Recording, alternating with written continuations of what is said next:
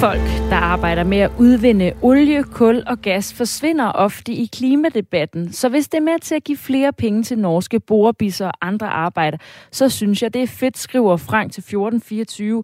Og det gør han efter, at jeg i øh, den sidste halve time, som du kan høre inde i vores øh, podcast-app, hvis du ikke fik det med, øh, talte med Nils Fuglsang, som er medlem af EU-parlamentet for Socialdemokratiet, efter at EU-parlamentet nu har slået fast, at atomkraft og naturgas kan kaldes en grøn investering. Det mener Niels Fuglsang er en, et kæmpe nederlag for klimaet. Men øh, Frank altså skriver ind, han tænker, at det er måske også med til at give nogle arbejdspladser. Der er flere, der har skrevet til 1424. Lars skriver, at der er også restprodukt på vindmølle, ligesom der er på atomkraftværker. Det er Tyskland, der bestemmer i EU. Det hjælper ikke at brokkes over gas i Danmark. Spild af tid, skriver en. Og hvad med atomkraft, der er CO2-neutralt? Koster det ikke klima at bygge det op? Og sidste sms i denne omgang. Vi bruger kul i Danmark. Bør politikere fra regeringspartiet ikke feje for egen dør først?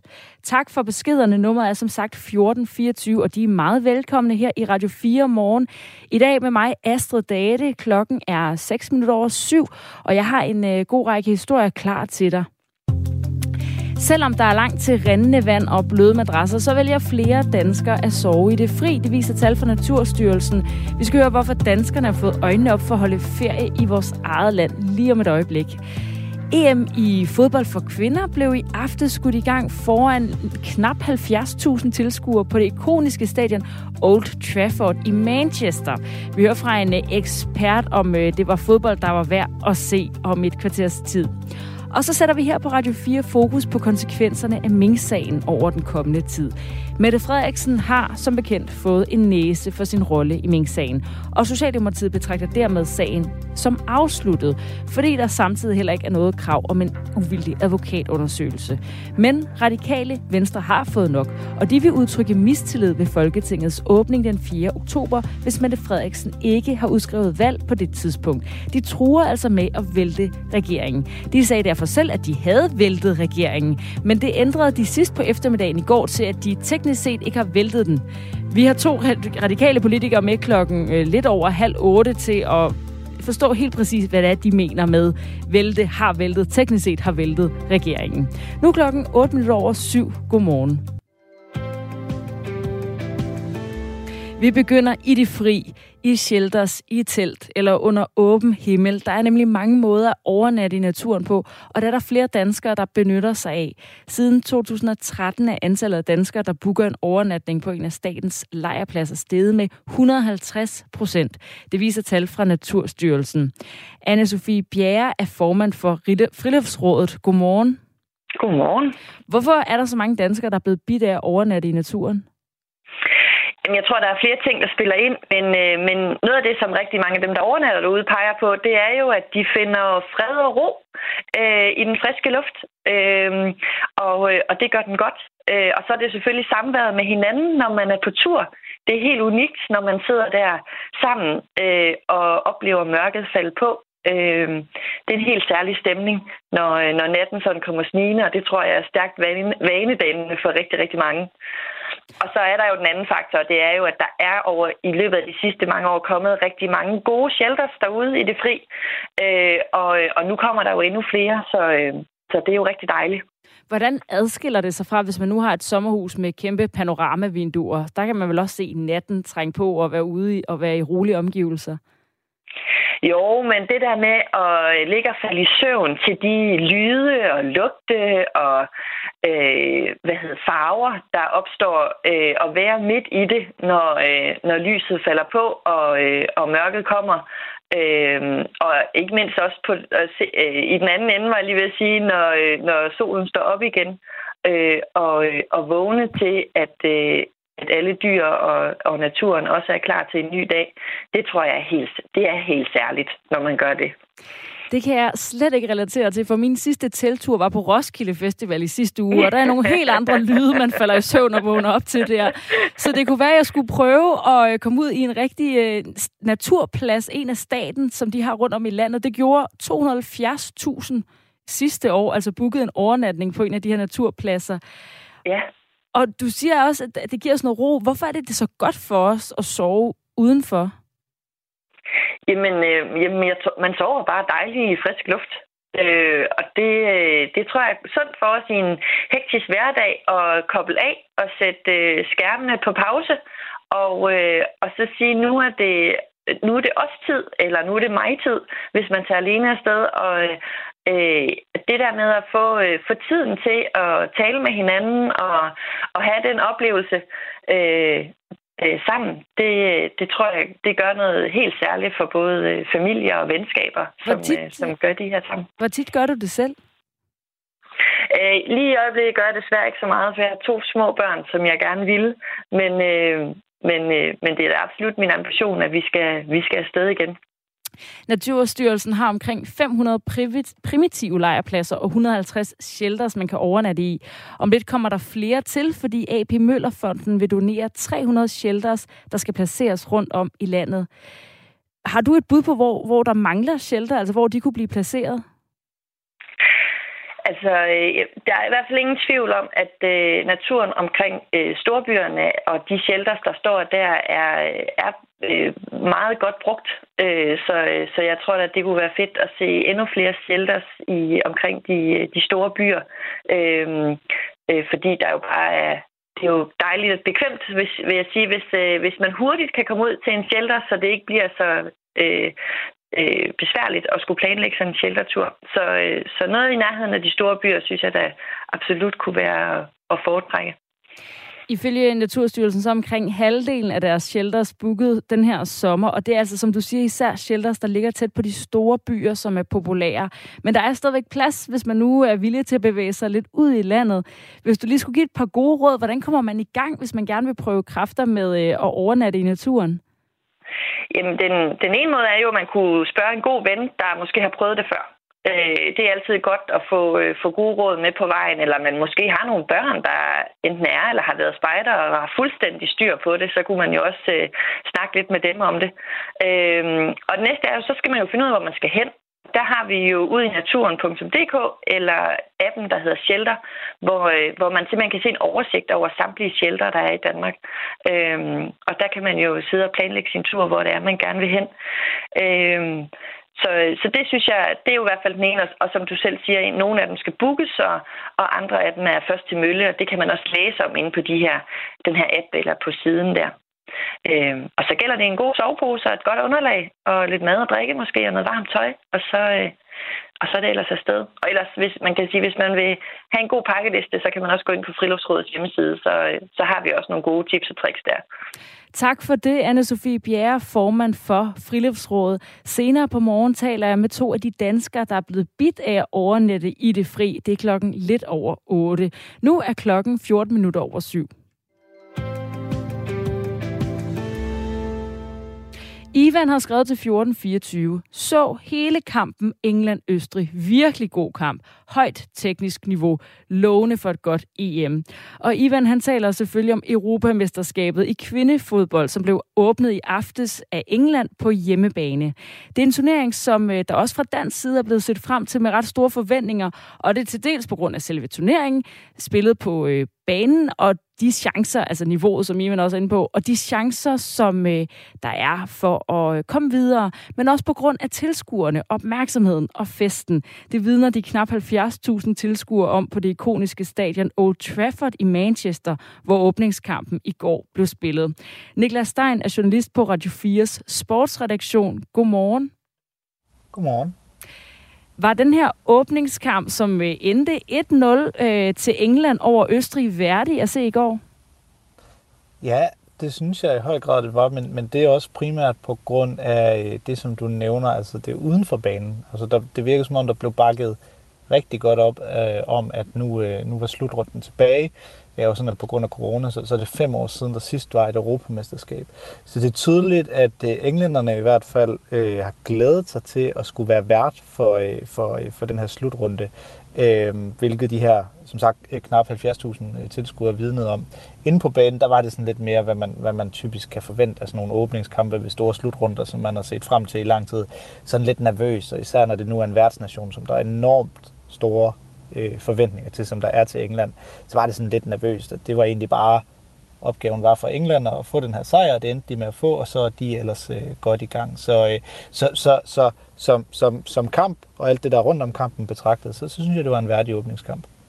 Ved det seneste EM i kvindefodbold blev der for fem år siden solgt 240.000 billetter i alt, og i år der er der så forløbigt solgt det dobbelte, altså dobbelt så mange oplyser UEFA. Rekorden for øh, flest tilskuere til en fodboldkamp for kvinder blev sat i marts i år. Her så 91.500 mennesker Barcelona slå Real Madrid på Camp Nou. Og så er der også en dansk rekord for flest tilskuere, der blev slået for nyligt, hvor vi også talte sammen med Niklas Stein. Det var, øh, da landsholdet for 12 dage siden slog Brasilien foran 21.000 tilskuere i parken. Men de her rekorder en mente, hvad, hvad kan det komme, komme til at betyde for det EM, vi ser frem mod? Det, det er jo blevet set frem til som, som sådan en form for øh, milepæl. Øh, der bliver investeret enormt meget rundt omkring i, øh, i kvindefodbold i øh, flere forskellige lande, og fra øh, europæisk side, altså for, for UEFA, det europæiske øh, fodboldforbunds side, øh, altså relativt mange penge. Og den her øh, fodboldpyramide, hvor pengene er i toppen og, og, og gerne skal ned igennem systemet, det, det begynder for alvor at, at at, at føre til noget i lige præcis kvindefodbold. Og det, det er sket i løbet af de seneste par år, så derfor bliver den her, og især i Europa skal det lige siges, og derfor bliver den her slutrunde set, set som, som, som det første store trykprøve på, hvad, øh, hvad, hvad, hvad de her penge kan føre til, både i forhold til selvfølgelig udviklingen af spillet på banen og, og så videre, men også for interessen øh, udefra, som vi jo har set, som de her tilskuerrekorder, der bare kommer gang på gang, om det så er hjemme i landskampe, om det er hjemme til ligakampe, om det er oppe i Sverige eller Norge, hvor man også går rigtig meget op i kvindefodbold, enten til ligakampe eller til landskampe. Så kan vi bare se, at, at, at nu begynder pengene at blive investeret, og interessen den kommer tydeligvis, som de her tilskuerrekorder øh, jo vidner om. Og som sagt er der jo blevet solgt dobbelt så mange øh, billetter allerede til den her slutrunde, som det blev solgt til, til sidste slutrunde. Så det bliver set som den her store prøve for kvindefodbold i, øh, i, i Europa, og, og gerne den, som, som, som skal skubbe den her interesse over lige over målstregen, så at sige. Noget, der jo rigtig kan skubbe interessen, det er jo, når det går godt, og her i Danmark, der vil vi jo gerne have, at det går godt for det danske landhold, øh, landshold. Hvordan øh, står de? De er jo i gruppe med, nu må du lige rette mig, hvis jeg tager fejl, ikke? Altså Tyskland, Spanien og Finland i den første gruppe. Altså, hvor godt står de i forhold til at nå langt i den her EM-turnering? Danmark har et ganske udmærket øh, landshold, men, men er simpelthen kommet i det, vi, vi populært øh, betragtet i fodboldverdenen kalder for, for dødens pulje. Altså øh, Spanien var inden øh, turneringen de, øh, de allerstørste favoritter til at vinde det hele. Øh, Tyskland var en pæn outsider til at kunne vinde det hele. Tyskland har jo i mange år været motoren for kvindefodbold i Europa. Øhm, så, så, så, så i første omgang bliver det faktisk svært for Danmark overhovedet at komme ud af den her gruppe, og det gør også, at de dumpede lidt ned fra start i, i oddsætternes øh, sådan, øh, favoritværdighed. Det ligger sådan lige midt i feltet, men, men, men, og det er også en god grund til at have glædet sig til det her EM. Generelt så er øh, niveauforskellen altså ikke særlig stor blandt de her, øh, blandt de her landshold. Det er ikke fordi, vi har en kæmpe favorit. Øh, og det er ikke fordi, vi har sådan en gruppe på fem hold, der bare er langt bedre end de andre. Der er øh, enormt stor jævn, jævnbyrdighed, og vi, vi, vi kan godt regne med, at det sådan på, på det spillemæssige plan bliver et ret spændende øh, EM, og det kan Danmark øh, sagtens, øh, sagtens bidrage til. Vi har et ganske udmærket landshold, der vel at mærke også er i, i god form. Så, så, så, så med klaphatten på er der også meget at se frem til. Ja, de har jo også et uh, publikum med sig, som vi talte om før, at det er jo noget, der har meget opmærksomhed, og det er også forventet, at mange danske tilskuere tager turen til London for at se det danske kvindelandshold åbne turnering mod Tyskland. Hvilken betydning kan den her opmærksomhed betyde for uh, det danske kvindelandshold? Det er lidt det samme som Europa, bare på, øh, på, på, på lidt mindre skala. For, for, for som sagt, der er blevet investeret meget i Europa generelt i kvindefodbold, og det er der også, også i Danmark, og, og, og man sidder også og venter på, at der er lidt flere af de store traditionelle, hvad kan man sige, herreklubber, som, som også begynder at, at lukrere på den her interesse og skabe, øh, skabe kvindehold. For eksempel et FC København har jo ikke et kvindehold, øh, men, men der går sådan lidt, hvad kan man sige, lidt, lidt, lidt, lidt rygter på vandrørene om, hvorvidt øh, de snart kunne begynde det, fordi de, de kan jo også godt se interessen. Så, og vi ved, at, at når øh, et dansk sportshold skaber et stort resultat, så skal, kan det skubbe øh, til interessen ude på, på græsrådsniveau. Vi så det allerede 17, i 2017, hvor der senest var Europamesterskab, hvor Danmark jo faktisk vandt sølv. der var så en konflikt. Øh, spillerne ville gerne have mere løn, og øh, det gad DBU give dem bagefter. Så kom der en konflikt, som desværre helt sikkert ødelagde meget af den interesse. Det er en længere historie. Men, men, men den interesse kan de også virkelig lukrere på nu. Så hvis det kunne blive til et, et dansk fodboldhold, der kunne, øh, et dansk landshold, der kunne omfavne hele Danmark, så, øh, så tror jeg næsten ikke, vi kan se nogle grænser for det, hvad, hvad det kan komme til at betyde for, for dansk kvindefodbold i de kommende år. Så lød det fra Niklas Stein, journalist på Radio 4's sportsredaktion. Det er i morgen kl. 21, at Danmark åbner turneringen mod Tyskland på Brentford Community Stadium.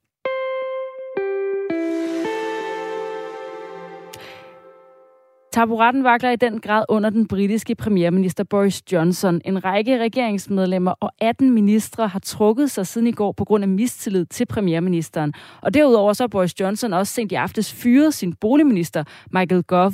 Og Johnson han afviser selv helt at træde tilbage. Ifølge Frederik Barsø, der er journalist bosat i London, kan det, der sker lige nu, kun lade sig gøre, fordi hovedpersonen netop er Boris Johnson. Det er det, han gør lige nu, og øhm og det, og det er kun noget, der sker, fordi, fordi det er ham, og, og havde det været en hvilken som helst anden politiker, tør jeg godt sige, så, så var vedkommende gået af for længst. Altså, det har været et fuldstændig historisk, kaotisk døgn øhm, siden tirsdag, altså tirsdag aften til, til i går aftes, hvor, hvor, hvor der er sket så sindssygt mange ting, og 46 regeringsmedlemmer, altså næsten halvdelen af hans regering, trak sig fra deres poster, og, og ja, han, som du selv siger, han, han fyrede en, og, øh, og altså alt og alle peger på, at det er slut nu, og, og det her det kan ikke fortsætte, men, men det er sindssygt svært at, at sige aldrig med, med den her mand, men, men, men, men, men lige nu der er det rigtig, rigtig svært at se, se øh, hvad, hvad der skal om. Der, der er, altså når hans, når hans mest loyale øh, partifælder trækker sig, og regeringsmedlemmer trækker sig, altså Priti Patel, hans, hans indrigsminister, trækker sig, eller ikke trak sig i går. Hun, hun udtrykte i hvert fald mistillid til ham og sagde, at han burde gå af. Og, og Rishi Sunak og Sajid Javid, hans to nærmeste og vigtigste minister, trak sig jo der tirsdag aften og fik det hele til at starte. Så der, der sker rigtig mange ting, og, og, og der er ikke særlig meget opbakning tilbage til ham. Og han, han bliver ved med at nægte, og, og, og, og det, det er svært at se, hvad der er, der, der motiverer ham ud af personlige ting. Og Frederik Barsø, du siger, hvis der havde været hvilken som helst anden politiker, så havde vedkommende trukket sig. Hvad er forskellen på Boris Johnson og andre politikere? Jamen det er, at han er, han er, han er ufattelig stedig, og han er motiveret af, lader det til noget, noget helt andet end, end, og end, end, end landets interesser. Det, det er meget personligt motiveret, det der foregår, lader det til. Igen, det er rigtig svært at sige, hvad det er, der foregår inde i hans hoved, der, der er rigtig mange forskellige bud på det. Øhm, men, men ja, han, han, man har bare set det så mange gange efterhånden, og jeg har også selv været, været med de fleste, øh, eller nogle forskellige steder og, og, og tale om, nu må det være slut, og, og, og hvad skal der ske, og, og, og det bliver bare ved og ved og ved, men nu er vi bare der, hvor, hvor det kan ikke fortsætte, og det tør jeg godt sige, er slut nu. Og hvad er det? Øhm, men, men, ja. Det er jo ikke helt slut endnu, så hvad er det, der skal til, for at han bliver tvunget til at gå af?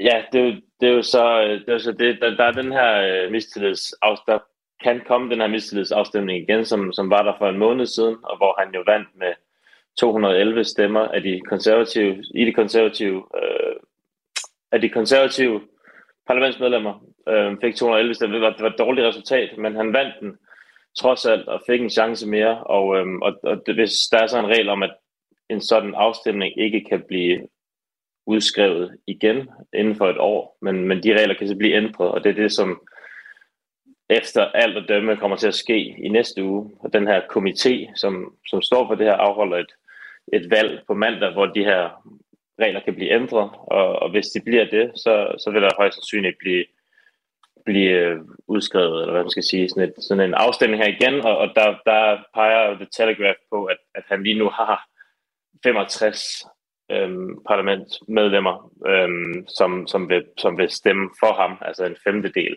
øhm, og han skal bruge halvdelen. Og, og det, altså der, der er meget, meget, meget lang vej. Så, så det, det, der, det er nok det, der skal til. Han, ud, han tror selv med at udskrive øh, valg, altså gå til dronning. Øhm, der er også nogle forskellige, nogle forskellige ting der, som, som gør det usikkert. Men, men ja, det, det er det, der skal til. Øhm, og det er det, de presser ham med nu også, at, at, at, øh, at ja, det, det kommer til at ske. Og enten kan du gå med, jeg vil ikke engang sige æren i behold, fordi det, er, det, det løber også kørt, men, øhm, men den kan han selv gå, og ellers så, så kommer han til at blive væltet. Situationen er altså lige nu den, at 18 ud af den 18 ministre i den britiske regering ud af 120 har trukket sig, og derudover er der en 19. minister, som er røget, da Boris Johnson sent i aftes fyrede sin boligminister Michael Glove. Hvorfor gjorde han egentlig det, Frederik Barsø? Det er faktisk det er faktisk 46, altså det er lidt kringlet med de her minister, og det er seniorminister eller cabinet ministers og, og, og, og så nogle, nogle juniorminister eller viceminister, så det er faktisk helt op på 46 ud af de her 120. Øhm, og, og Michael Gove, han, han blev altså fyret i går aftes, fordi han selv udtrykte mistillid til Boris Johnson. Øhm, det er der flere andre, der har gjort, men, men det gjorde han selv. Han bad ham om at gå af, og så, så lige pludselig så en af, en af Johnsons tætte allierede, men som man også har haft en, et fjendskab med, altså lidt frem og tilbage. Der har været nogle forskellige ting i, i løbet af deres tid sammen. Men man sad på en meget vigtig position. Øhm, Michael Gove, men, men, men ja, han blev også fyret, og lidt, det virkede lidt som om, at det var sådan en, øh, det var sådan en øh, tak for sidst fra, fra, fra Boris Johnson, og sådan en meget sådan en, ja, sådan en, sådan en hævn, en, en, en hævn ting fra ham, øhm, som han lige skulle af med, mens han stadig kunne. Øhm, ja, så meget, meget desperat træk, synes jeg, det, det, det lader til at være. Og han har jo, Johnson og hans regering, altså de seneste måneder været involveret i en række skandaler, der blandt andet er blevet øh, ført til et brev til ham fra den nu tidligere børne- og familieminister, som har offentliggjort på Twitter, hvor han øh, blandt andet skriver, at fratrædelsen skyldes, at Johnson har givet unøjagtige oplysninger til medierne. Og på det seneste, der drejer det sig om et øh, tidligere parlamentsmedlem, der er blevet tvunget til at gå af efter afsløringer om seksuelle krænkelser. I sagen, der ændrede Johnson forklaring af flere omgange. Han har også været i modvind under den såkaldte Partygate-skandale, hvor det blev afsløret, at der var blevet holdt fester i premierministerens embedsbolig under coronanedlukningen i 2020. Så der har altså været en række skandaler, øh, Frederik Barsø, du er altså journalist og bosat i London. Hvorfor er det først nu, at øh, de her ministre vælger at forlade regeringen i protest? Ja, det er, det er et godt spørgsmål, og, øh, og det, der har nemlig været rigtig mange, og det er, ikke, øh, og det er også flere end, end de her to, som selvfølgelig har Partygate fyldt klart mest, og har været, været kæmpe, kæmpe stor skandale, og, og stadig noget, som, som garanteret kommer til at rulle. Men, men det, som der skete her, var bare virkelig bare dråben. Altså alle, den her sidste mistillidsafstemning, det var virkelig sådan en, okay, vi giver dig en sidste chance, og der var jo så 148 af hans egne, der stemte imod ham, og, og der har så været mange af dem, som stemte for ham, som, som virkelig gav det sidste chance, og som han fik overbevist, og brugt rigtig lang tid på at overbevise om, at, at nu, nu skulle det nok blive bedre, så kommer den her frem en måned efter, hvor regeringen selv går ud og siger noget forkert. Han går ud og siger noget forkert om, at at lyver om, hvad han vidste og hvad han ikke vidste, og dagen efter.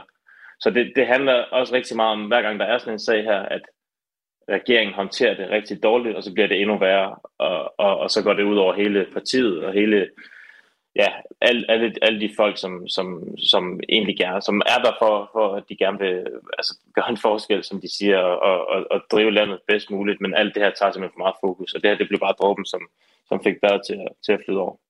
Og din øh, analyse af Boris Johnson er altså, at han er drevet af nogle mere øh, personlige forhold, end at passe på landet. Hvordan øh, stemmer det overens med, med, hvordan englænderne ser på Johnson og hans troværdighed som premierminister? Folk er, man skal, man skal lede aktivt lige nu for at finde nogen, som, som er med Boris Johnson. Der skal man finde de, de største fans.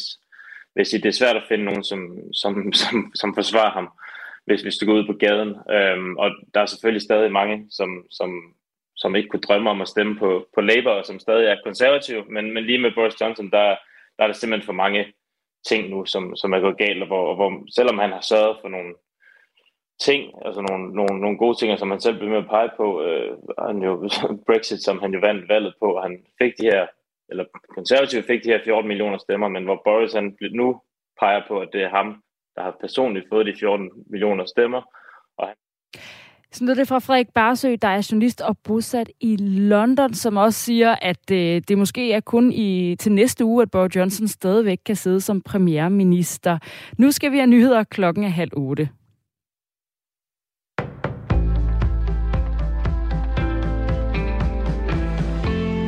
Der er hektisk aktivitet omkring Boris Johnson og den britiske regering lige nu. Flere ministre har trukket sig fra regeringen i den her uge, og det kulminerede i går, da han fyrede Michael Gove, der er minister for bolig, lokalsamfund og lokale myndigheder. Og ifølge Frederik Barsø, der er journalist og bosat i London, så ville enhver anden premierminister have trukket sig. Men Boris Johnson er stadig og motiveret af noget andet end landets interesser, siger han. Det er meget personligt motiveret, det der foregår, lader det til igen. Det er rigtig svært at sige, hvad det er, der foregår inde i hans hoved. Der, der er rigtig mange forskellige bud på det. Man har bare set det så mange gange efterhånden, og jeg har også selv været, været med de fleste, eller nogle forskellige steder og, og, og tale om, nu må det være slut, og, og, og hvad skal der ske? Og, og, og det bliver bare ved og ved og ved, men nu er vi bare der, hvor, hvor det kan ikke fortsætte, og det tør jeg godt sige, er slut nu. Og der er ikke meget opbakning til Boris Johnson fra vælgerne, hvis du spørger Frederik Barsø. Man skal lede aktivt lige nu for at finde nogen, som, som er med Boris Johnson. Der skal man finde de, de største fans. Det er svært at finde nogen, som, som forsvarer ham, hvis, hvis du går ud på gaden. En betjent havde mulighed for at skyde gerningsmanden, der den 24. maj skød og dræbte 19 børn og to lærere på en skole i Texas. Det viser en ny rapport om hændelsen. Inden gerningsmanden gik ind på skolen med en halvautomatisk militærriffel, var han forinden kørt galt i sin bil og havde affyret skud mod en forretning på den anden side af gaden. Da gerningsmanden så efterfølgende var på vej ind på skolen, havde en politibetjent ham på skudhold og i sigte, men han var bekymret for, at et misset skud kunne penetrere skolens mur, og skoleelever på den anden side kunne blive ramt. Ifølge rapporten forhørte betjenten sig hos sin overordnede for at få grønt lys til at nedlægge manden, men den overordnede kunne enten ikke høre ham eller svarede for sent. Dermed nåede den mistænkte altså ind på skolen. Nyhedsbyrået Reuters har forsøgt at få en kommentar til rapporten fra politiet i Uvalde, men det har ikke været muligt. Det går den forkerte vej med hungersnød i verden. Det viser en ny rapport udarbejdet af FN's fødevareprogram og FN's fødevare- og landbrugsorganisation. I 2021 var 239 millioner flere mennesker ramt af hungersnød sammenlignet med 2015. Det er en stigning på 41 procent. På det afrikanske kontinent står det værst til. Her er det hver femte indbygger, som er ramt af underernæring. Ifølge Udenrigsministeriet i Danmark er et af de helt store problemer for fødevaresikkerheden den manglende eksport af korn fra Ukraine. En væsentlig del af landets korn til eksport, ca. 20-25 millioner ton, befinder sig fortsat i landet og kan ikke komme ud, fordi Sortehavet er blokeret af russerne. Ukraines regering ruller nu et internt rejseforbud for mænd tilbage. Det gav protester, da landets militær meddelte, at alle kampdygtige mænd skulle have en særlig tilladelse til at bevæge sig rundt i landet. Præsident Vladimir Zelensky var utilfreds over, at han ikke havde fået noget at vide på forhånd, og derfor har generalstaben nu droppet kravet, det skriver The Kiev Independent. Volodymyr Zelensky har indskærpet, at militærledelsen i fremtiden først skal præsentere ham for den slags regler, og at de først må træde i kraft, når han som præsident har godkendt det. Først på dagen skyde med regn eller byer, især i de østlige egne. Ellers klarer det op fra vest og nordvest efterhånden med nogen sol og kun få byer. Temperaturer op mellem 17 og 21 grader, varmest i det østlige Jylland. Let til frisk vind fra nordvest. Nyhederne på Radio 4 var med Asbjørn Møller.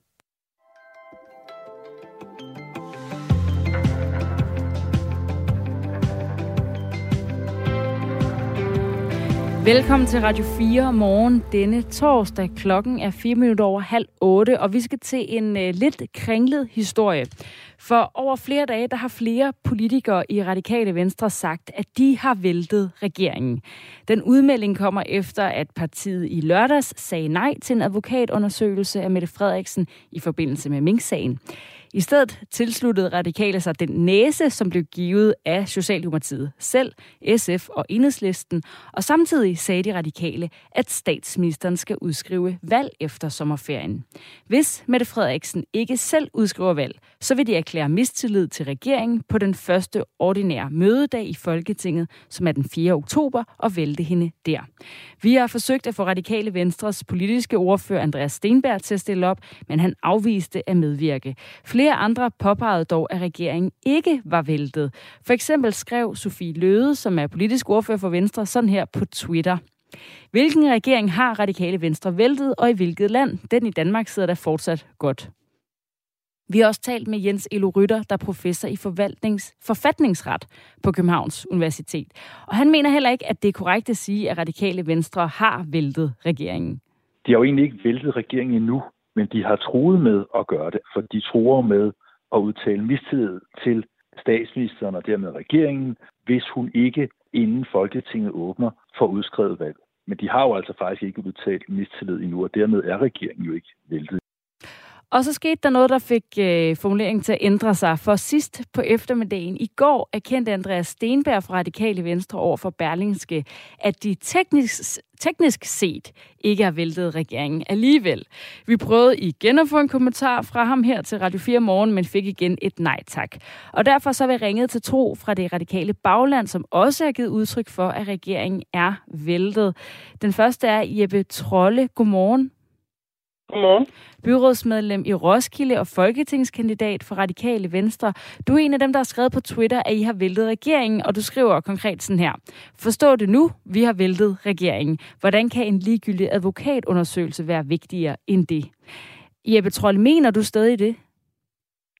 Ja, altså, hvad hedder det, væltet er jo en metafor, og, hvis, øh, og ikke et statsretsbegreb, men altså, jeg er ikke så interesseret i den der til diskussion om ord. Altså, vi har trukket stikket på den her regering, og den er dead man walking. Øh, som John Cleese ville sige, uh, this is a late parrot. Altså, hvad, hvad, er det, øh, hvad er det en metafor for at sige, at vi har væltet regeringen?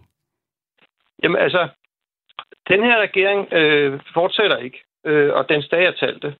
Øh, og som sagt, så har vi trukket stikket på den, og om den så kører lidt videre på batterierne, det kan, det kan så godt være. Men, men det, der er det centrale for mig, og det, som jeg har udtalt mig om, det er, at det skal have nogle konsekvenser, og der skal trækkes en politisk øh, streg i sandet, øh, fordi at øh, nu har vi fået nok af den her regering. Og det er det, vi har gjort. Og ja, det er en, tids, det er en tidsindstillet øh, hvad hedder det, øh, mistillidsdagsorden, så den er ikke effektueret endnu, men den er der, og det er øh, en konsekvens, der er draget, og det er det, der er centralt for mig. Så hvad er det, I har gjort? Ja, så vi har jo... Øh, man kan sige, at politikken skrev, øh, da den her undersøgelse kom frem, at statsministeren burde trække sig. Det har hun ikke gjort. Øh, og derfor så øh, har vi sørget for, at øh, det gør hun. Og øh, hvad hedder det, det er klart, at man kan jo altid øh, betvivle, om vi har tænkt os at gøre, som vi siger. Men øh, det må man jo så se den 4. oktober, hvis øh, man som øh, folk fra regeringen eller oppositionen siger, at det vil ikke ske. Så kommer, så kommer man jo så til at se konsekvensen den 4. oktober. Øh, Som, og, og, øh, og at vi har givet danskerne lov til at gå på sommerferie, inden at vi gør det her, det ændrer ikke ved, at vi har trukket stikket på regeringen. Altså, kan man ikke... Altså, nu hører vi lige, øh, hvad hedder det, Jens Elo Rytter sige her, at I truer med det. Er det ikke mere korrekt at sige, at I truer med det og trække stikket, hvis ikke hun udskriver valg? Det, det, det kan man da sikkert godt, men altså, det, konsekvensen er den samme. Den her regerings dage talte, Øh, øh, vi, har, vi, vi, sæt, vi har sat en stopper for, for et parti, den et parti socialdemokratiske regering.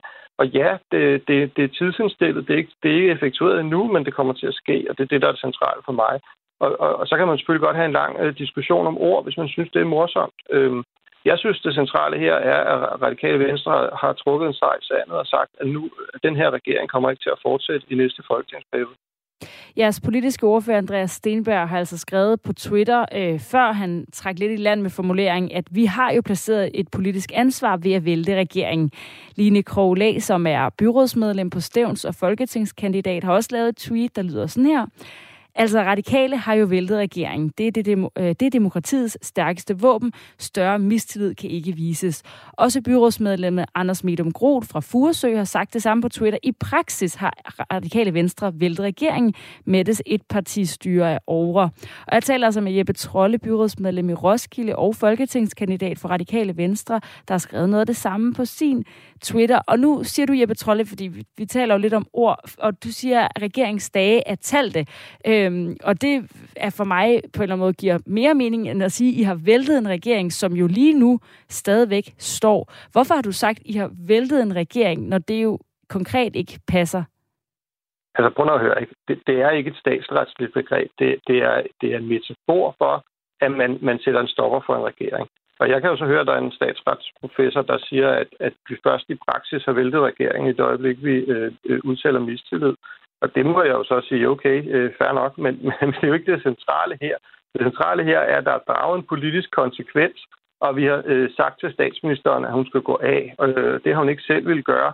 Og nu siger vi så i det øjeblik, at det kan lade sig gøre for os øh, og, og, og hvad hedder det, stille en mistillidsdagsorden. Øh, det er nemlig den dag, hvor Folketinget er samlet. Der vil vi gøre det. Og så har hun så lidt tid til at, at agere og måske gøre det før. Det tror jeg, hun gør. Øh, og så kan der jo selvfølgelig være nogen, der har en interesse i at nedtone øh, det, at radikale har mulighed for at, at, at stoppe den her regering. Det kan jeg høre, at der både er repræsentanter for regeringen og, og hvad hedder det, folk fra oppositionen, der synes, at det er sjovere at sige, at det her øh, er tandløst. Det må vi jo så konstatere den 4. oktober, at det er det overhovedet ikke. Jeg er fuldstændig øh, 100% sikker på, at den her regering, den stopper. Øh, og ja, øh, det er rigtigt, den kører lidt videre på batterierne. Men, og så får du lige en, en, en, en... I det øjeblik, folketingsperioden øh, starter igen, så er den her regering øh, historie. Yes, og nu får du lige en opfølgende sms på, øh, på det. Øh, en skriver nemlig til 1424, vil I så pege på Mette Frederiksen ved næste valg? Kan man godt pege på en statsminister, som man har meldt mistillid til? Øh, ja, det kan man godt. Øh, det, det er regeringen, vi melder mistillid til. Øh, og øh, den her etpartiregering kommer ikke til at fortsætte, og, og den, øh, den i hvert fald ikke med radikale øh, støtter. Så, så den her regering, den, den kommer til at, vi kan så sige, den bliver væltet, øh, hvis den ikke trækker sig selv. Og, Men den, øh, den her regering, som I har mistillid til, vil I gerne gå i regeringen sammen med? Nej, det vil vi ikke. Øh, regeringen Mette Frederiksen 1 kommer ikke til at fortsætte. Øh, vi vil, vi vil, hvad hedder det, men vi vil selvfølgelig ikke frastå os muligheden øh, for at pege på en flertalsregering, hvor Socialdemokratiet indgår. Øh, fordi det er ikke personer, det her drejer sig om. Det er det her, det drejer sig om regering og regeringsførelse. Og vi er rigtig trætte af den magtfuldkommenhed, der øh, kommer fra den her etpartiregering. Og derfor så kommer vi ikke til at pege på den regering igen. Og, og derfor så, så har vi, vi kommer til at trække, øh, eller vi har trukket stik på den her regering, og vi kommer til at øh, vælte øh, den her etpartiregering. Men selvfølgelig vil vi ikke øh, give en blankosjek til, til Pernille Vermund eller en anden fra højrefløjen øh, ved at sige, at, at så kan vi ikke pege på personen Mette Frederiksen igen. Det her det drejer sig om, at den her etparti socialdemokratiske regering, den, som er magtfuldkommen, og hvor det alt er centreret om en person, den kommer ikke til at fortsætte. Jeg vil også sige godmorgen til øh, Kim Egeskov, som øh, altså også er med her. Godmorgen. Godmorgen. Du er formand for Radikale Venstre i Vestjyllands Storkreds, og du har givet udtryk for det samme, nemlig at I har væltet regeringen. Du skrev på Facebook, i dag har Radikale Venstre væltet regeringen, dog med forsinkelse, men regeringen er væltet. Er du stadig i den opfattelse, at Radikale Venstre har, har væltet regeringen? Ja, bestemt. Det er jeg, og det er jo øh, korrekt, at uh, teknisk set så er øh, regeringen ikke væltet endnu, men det er jo sådan en anerkendt opfattelse af, at øh, de bliver væltet, så derfor indretter alle sig på, at de er væltet. Og det sker jo øh, senest øh, den 4. i 10.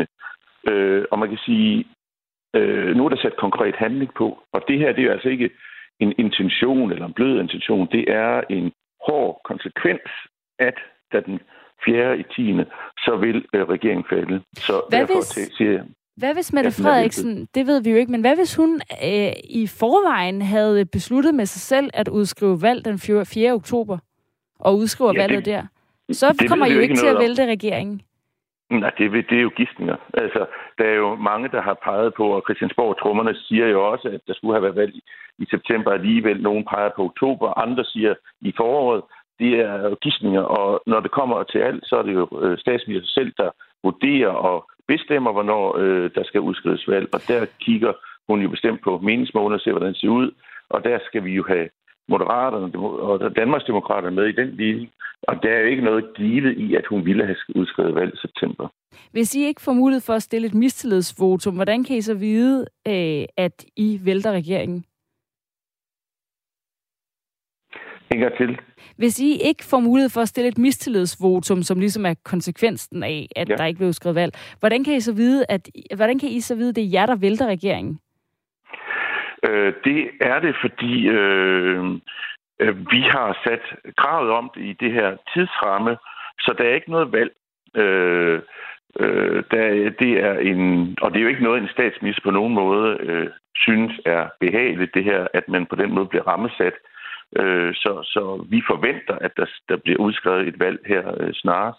Øh, og det, det, og hvis, hvis det ikke sker, så tænker jeg, så er det i hvert fald et udtryk for øh, statsministers og regeringens magtfuldkommenhed, at det ikke bliver gjort.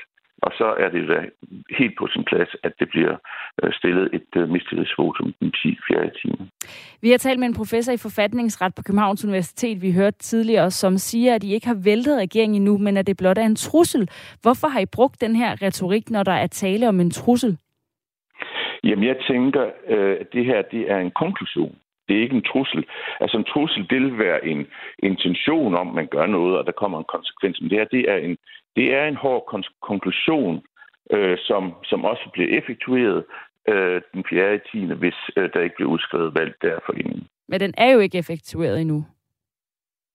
Nej, det er den ikke, men, øh, men det bliver den. Og, og som jeg siger, så, så kan man jo se på, at øh, alle agerer derefter, som om, at de er væltet. Altså, hvis, vi, hvis I tager ud og, og besøger folketingskandidaten nu, så vil I se, at de sover med skoene på. Alle er vidne om, at nu kommer der et valg. Det er jo ikke en gidsning, men nu kommer der reelt et valg snart. Så lød det fra Kim Egeskov, der er formand for Radikale Venstre i Vestjyllands Storkreds, og også Jeppe Trolle, der er byrådsmedlem i Roskilde og folketingskandidat for Radikale Venstre. Tak fordi I var med begge to. Vi ville også gerne have haft statsminister Mette Frederiksen med til at svare på Radikale Venstres udmelding, men hun henviser til partiets politiske ordfører Rasmus Stoklund, som har skrevet, at han ikke kan stille op.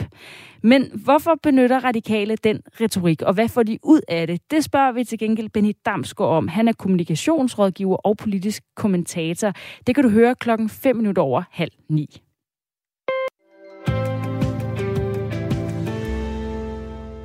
Det danske skofirma Eko vil til næste år ikke længere kunne kalde sig for kongelig hofleverandør. Det meddelte kongehuset i går i en pressemeddelelse. Når prædikatet udløber 16. april 2023, vil det nemlig ikke blive forlænget, lyder det. Sune Bang er kommunikationsrådgiver og branding ekspert. Godmorgen til dig. Godmorgen. Hvilken betydning får kongehusets udmelding for Eko? Men altså, man kan jo diskutere, hvor meget det betyder for dem rent salgsmæssigt, øh, fordi øh, det er jo i højere grad en blåstempling, som, som betyder meget for selve virksomheden, øh, virksomhedens medarbejdere, det sammenhold, man har, den selvopfattelse, man har. Og så har det også en vis betydning i, øh, i, i mange øh, internationale øh, steder, altså specielt Asien, hvor, hvor det har en stor betydning, at, at man ligesom kommer med kongehuset, når man også er der. Men, men jeg er i tvivl om, hvor meget det i virkeligheden betyder sådan rent salgsmæssigt, men det betyder selvfølgelig rigtig meget imagemæssigt, fordi det her, det er jo et stort øh, løb væk fra Eko, der er sket siden ja, øh, marts måned, april måned. Hvis det får konsekvenser brandingmæssigt i, i Asien, vil det så ikke også få konsekvenser for salget i sidste ende? Jo, men det kommer nok lidt senere i Asien, fordi der er jo ikke, der er jo ikke en lige så hård modstand, øh, for eksempel i Kina, øh, mod, øh, mod krigen i Ukraine. Der er jo ikke den samme øh, øh hvad hedder det, negative udmelding derfra. Der, der forholder man sig en lille smule mere afventende. Men, men altså det her, det er en, en, en langsom opvarmning af frøen i, i i gryden, er det ikke det, man plejer at sige? Altså, at, at, at det stille og roligt, så begynder det at sive. Altså, det, det, jeg er sikker på, at det her, det også får konsekvens for, om man har interesse i at arbejde for Eko. Øh, fordi en stor del af arbejdsstyrken i dag leder jo også efter en mening i det arbejde, man laver. Og det er måske ikke det fedeste at sige til, øh, til venner og bekendte, at man nu har fået et arbejde i Eko, eller for den så skyld arbejder i Eko, som det var før, hvor det var en stolt dansk øh, virksomhed, der ligesom var en del af vores øh, øh danske selvopfattelse. Og det er jo fordi, at Eko de seneste måneder har været stærkt kritiseret for at fortsætte med at have forretning i Rusland efter landets angreb på Ukraine. Det beskrives ikke i øh, meddelelsen fra kongehuset, hvad der ligger bag deres beslutning, men, men vi ved jo ligesom, at det, det er noget af det, der har givet dem en masse negativ omtale. Ekos svar til kongehusets udmelding er, at firmaets ledelse tager, beslutninger til, tager beslutningen til efterretning og ikke har yderligere tilføje. Øh, Eko har jo stået altså, lidt alene som sådan en stor dansk virksomhed til at blive i Rusland. Altså nu bliver det jo gidsninger, men har du noget bud på, hvorfor det kan være det værd for, for dem, øh, Sune Bang, når de på den måde får nogle konsekvenser, som vi ser nu, hvor de får frataget titlen som kongelig hofleverandør? Jamen, altså, det er jo en meget vanskelig situation, mange danske virksomheder står i, fordi øh, specielt dem, der har store investeringer i øh, Rusland, det så vi også i starten, at flere andre virksomheder øh, meldte ud, at de lige skulle finde ud af, hvad, hvad vil konsekvensen være at trække sig. Øh, fordi øh, når man har meget store investeringer i, i øh, Rusland, så er der en risiko for, at alle de investeringer simpelthen bare bliver overtaget og nationaliseret af Rusland. Og så er der det her spørgsmål, som de har sagt, jamen vil det så i virkeligheden gavne Rusland øh, mere, at vi, øh, at vi flytter ud, øh, end, end øh, at, vi, at vi bliver. Der har også været det her hensyn til, øh, til de russiske medarbejdere, øh, hvor det er vigtigt for dem at have et job i, øh, i Rusland. Her skal vi altså tænke på, at når vi taler om Eko, så er det næsten op mod 20 procent af deres omsætning, der kommer fra øh, Rusland.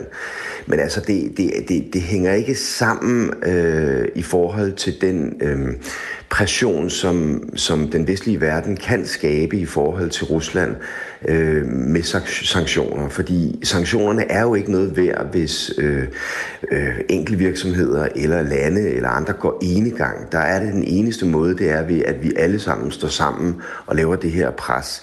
Og det er det, øh, Eko lider under i øjeblikket, at man stille og roligt ser Øh, man ser så kraft, øh, Venstres forsvarsordfører i, i april trække sig som forsvarsordfører, fordi han selv er medejer af en skobutik, der sælger Eko. Vi ser store sportskæder, vi ser øh, Magasin og andre store kæder, der sælger, øh, jeg tror Eurosko også gør det, øh, hvor, hvor man simpelthen ikke kan sælge øh, Eko længere. Altså øh, politiet bliver spurgt om, om hvorvidt øh, de vil fortsætte med at gå i Eko-sko. Altså det er jo, det er jo en, en, et kæmpe pres, de er under her. Og der, der er spørgsmål spørgsmålet, om det i længden er, er gavnligt for Eko, fordi hvis Eko efterhånden står, står, står tilbage som den eneste virksomhed, der, der, der, der bibeholder deres engagementer i, i Rusland, jamen altså, så vil, så vil det jo i mange, mange år fremad så vil det jo øh, klistre sig fast til, til, til mærket Eko. Og det, det, tager, det, tager, det tager altså lang tid at genoprette. Og hvis vi lige kigger også øh, på den anden side af den her øh, nyhed, så er der jo kongehuset, som jo så vidt muligt øh, normalt forsøger at være, altså holde sig uden for politik. Men de har så alligevel valgt at trække stikket som øh, hofleverandør til Eko. Hvad, hvad tænker du, der ligger bag den beslutning? Jamen altså kongehuset, når de træffer nogle beslutninger, som læner sig op af politik, eller som måske decideret har at gøre med, øh, hvad kan man sige, vores offentlige holdning i Danmark, eller officielle holdning i Danmark, øh, så kommenterer de ikke på det, hvorfor man gør det. Men der er jo ikke nogen, der er i tvivl om, at når man efter så mange år som øh, kongelig hofleverandør øh, lige pludselig ikke bliver øh, genudnævnt, eller at den, den bliver trukket, jamen altså, så er det jo på grund af, at man ikke lever op til de øh, lidt mere, hvad kan man sige, værdibaserede øh, øh, og ikke, ikke normalt lovgivningsmæssige øh, regler, som, som, som kongehuset har. Og der, der, der, der læser vi jo alle sammen ind i deres beslutning, at det, at det har at gøre med, at de ikke vil trække sig for, for Rusland. Fordi der er ikke nogen anden årsag til det, øh, som, som, som kan være ja, et argument for, at de gør det, de gør kongehuset. Og her til sidst, Eko har jo været meget i vælten, altså for ikke at trække sin aktiv ud af Rusland efter invasionen i Ukraine, og der har fået en række konsekvenser, blandt andet øh, har de fået frataget titlen som kongelig hofleverandør. Kan de godt rejse sig fra det her, Sune Wang? Ja, altså i, når, man, når man befinder sig i en krise, som de gør, så er det ret afgørende, hvad det er, hvordan man sætter fødderne, og den apropos ego, og den, den måde, som, som øh, man faktisk kan håndtere en krisesag på, det er, at man kan komme stærkere ud af en krise, hvis man gør det rigtige. Men hvis man gentagende gange gør noget forkert i krisen, så kan det blive en lidt mere permanent krise, der kan påvirke øh, øh en virksomhed eller en politisk parti. Og her der har vi altså at gøre med en, en kæmpe stor virksomhed, der har mange arbejdspladser, og som har stor betydning for Danmark. Og der, der, der kan de ikke blive ved med i takt med, at den her tragedie fortsætter i, øh, i Ukraine. Så det her, det er en rigtig, rigtig dårlig sag, og den eneste måde, de kan komme ud af den sag på, det er ved at melde klart ud om, at de ikke vil have engagement i Rusland. Og det er jo selvfølgelig helt øh, øh så ligegyldigt med deres økonomi i forbindelse med Rusland der, fordi det andet, det er på, på den lange bane altså meget mere ødelæggende for Eko sagde Sune Bang. Tak fordi du var med, kommunikationsrådgiver og branding-ekspert. Det her prædikat kongelig hofleverandør tildeles for en periode på fem år, og ifølge kongehuset vurderes det så ved periodens udløb, om betingelserne for tildelingen fortsat er opfyldt. Klokken er 5 minutter i 8. Du lytter til Radio 4 morgen. Du kan nu lave grønne investeringer ved at investere i naturgas og atomkraft, for atomkraft og naturgas kan nemlig nu i visse tilfælde betragtes som bæredygtige investeringer på linje med vindmøller og solceller. Det mener et flertal i, i EU-parlamentet i hvert fald. Men det er et stort nederlag for klimaet, siger Niels Fuglsang, som er medlem af EU-parlamentet for Socialdemokratiet og ordfører på grøn omstilling, økonomi, skat og dyrevelfærd. Han mener, øh, ja, det er et nederlag, og vi spurgte ham hvorfor. Jo, men jeg synes, det er en rigtig trist dag for, øh, for klimaet. Øh, turgas er ikke bæredygtigt. Øh, det mener jeg sådan rent objektivitet, man, man må sige, øh, eftersom det er en fossil energi. Det udleder CO2, CO2, så, øh, så er det jo noget, der bidrager til klimaforandringerne. Derfor synes jeg, det er uforståeligt, at man, man vælger at, at stemple det som bæredygtigt. Og det betyder jo, at øh, man vil kunne investere som pensionskasse i naturgas, altså i en fossil energi, og så sige, jamen vi investerer bæredygtigt. Øh, og det kan man ifølge EU's, EU's regler nu, øh, men ifølge sund fornuft, så må man jo sige, at det, det hænger ikke sammen. Så jeg synes, det er, det er et svigt, at, øh, at, øh, at det her det er gået igennem. Ifølge generaldirektør i Europakommissionens fælles forskningscenter, Steven Quest, så er der behov for stabile ressourcer til at trække læsset, altså som naturgas og atomkraft, mens andre skifter til vedvarende energi. Hvorfor kan han ikke have ret i det? Jo, men det er jo, det er jo rigtigt, at i forhold til vedvarende energi, sol og vind, så øh, kan man sige, at øh, det er ikke altid helt stabilt, fordi øh, vinden blæser ikke altid, og solen skinner ikke altid. Men det er der altså nogle løsninger på. Øh, blandt andet så, øh, så øh, er der jo en stor udvikling i gang inden for det, man kalder grøn brint. Altså at man laver vindenergien, øh, vindelektriciteten og solelektriciteten om til brint, som man så kan lære og, og bruge som sådan en stabil form for energi. Det synes jeg, man skulle, øh, man skulle satse meget mere på. Det, det, man satser også rigtig meget på det her, men, men det er en løsning, som man kunne bruge i stedet for naturgas. Øh, naturgas er jo, øh, ja, det, det udleder CO2, og selvom det er bedre end kul og olie, så, øh, så har vi altså ikke tid til at, øh, at begynde at bruge mere fossil energi. Vi, vi er allerede meget bagud i forhold til klimaforandringerne, så, så vi bliver nødt til at komme væk fra det. Øh, Europakommissionens eget ekspertpanel, de tager også afstand fra, fra den her beslutning om at øh, grønstemple naturgas, men det er nok i højere grad en politisk, en politisk beslutning sagde altså Niels Fuglsang, medlem af EU-parlamentet for Socialdemokratiet og ordfører på grøn omstilling, økonomi, skat og dyrevelfærd. Og han mener altså, det er et nederlag for klimaet, at EU-parlamentet er blevet enige om, at atomkraft og naturgas nu i visse tilfælde kan betragtes som bæredygtige investeringer på linje med vindmøller og solceller. Der er ikke så længe til, at vi skal have et nyhedsoverblik, men jeg kan lige nå at dykke ned i sms-indbakken. Du kan jo skrive ind til 1424, hvis du har input eller spørgsmål til det, jeg taler med vores gæster om i dag. Der er kommet rigtig mange sms'er på... Øh, øh, efter at tale med radikale venstre, som øh, jo ikke øh, støtter en advokatundersøgelse af Mette Frederiksen, efter øh, øh, Grænsningskommissionen er kommet frem med deres konklusioner om hendes rolle i Mink-sagen, men til gengæld gerne vil vælte øh, regeringen og ministeren den 4. oktober, hvis ikke hun udskriver valg. Og det er der altså flere, der kommenterer på. Nu skal jeg lige se øh, og finde de rigtige her. Øh, nu skriver Torben skriver, når nu de radikales meningsmålinger falder frem mod oktober, har radikale nok en undskyldning for, hvorfor de ikke skal væltes alligevel. Og så er der også flere, der spørger til, hvis Mette Frederiksen tilbyder, at de kan komme i regering, kommer der så ikke valg? Mariem skriver, en trussel til at vælte regeringen, og ikke den vej radikale skal. I kan bare lade være med at støtte regeringen og kæmpe for vores retssystem. Det er de radikales største chance for at tage flere stemmer ind. Ingen tager de radikale seriøst, heller ikke de radikale, skriver en anden. Og kan vi få en her? Nu skal vi se her. Trumpgate, Johngate og Frederiksen-gate, magtfuldkommen og klamrende lyder det. De radikale har væltet regeringen på samme måde, som turister hvert år støtter det skæve tårn i Pisa, skriver Christina. Og der er faktisk en række flere sms'er. Tak for dem alle sammen. Nu står Asbjørn Møller klar med et nyhedsoverblik over dagens vigtigste nyheder til dig. Klokken er 8.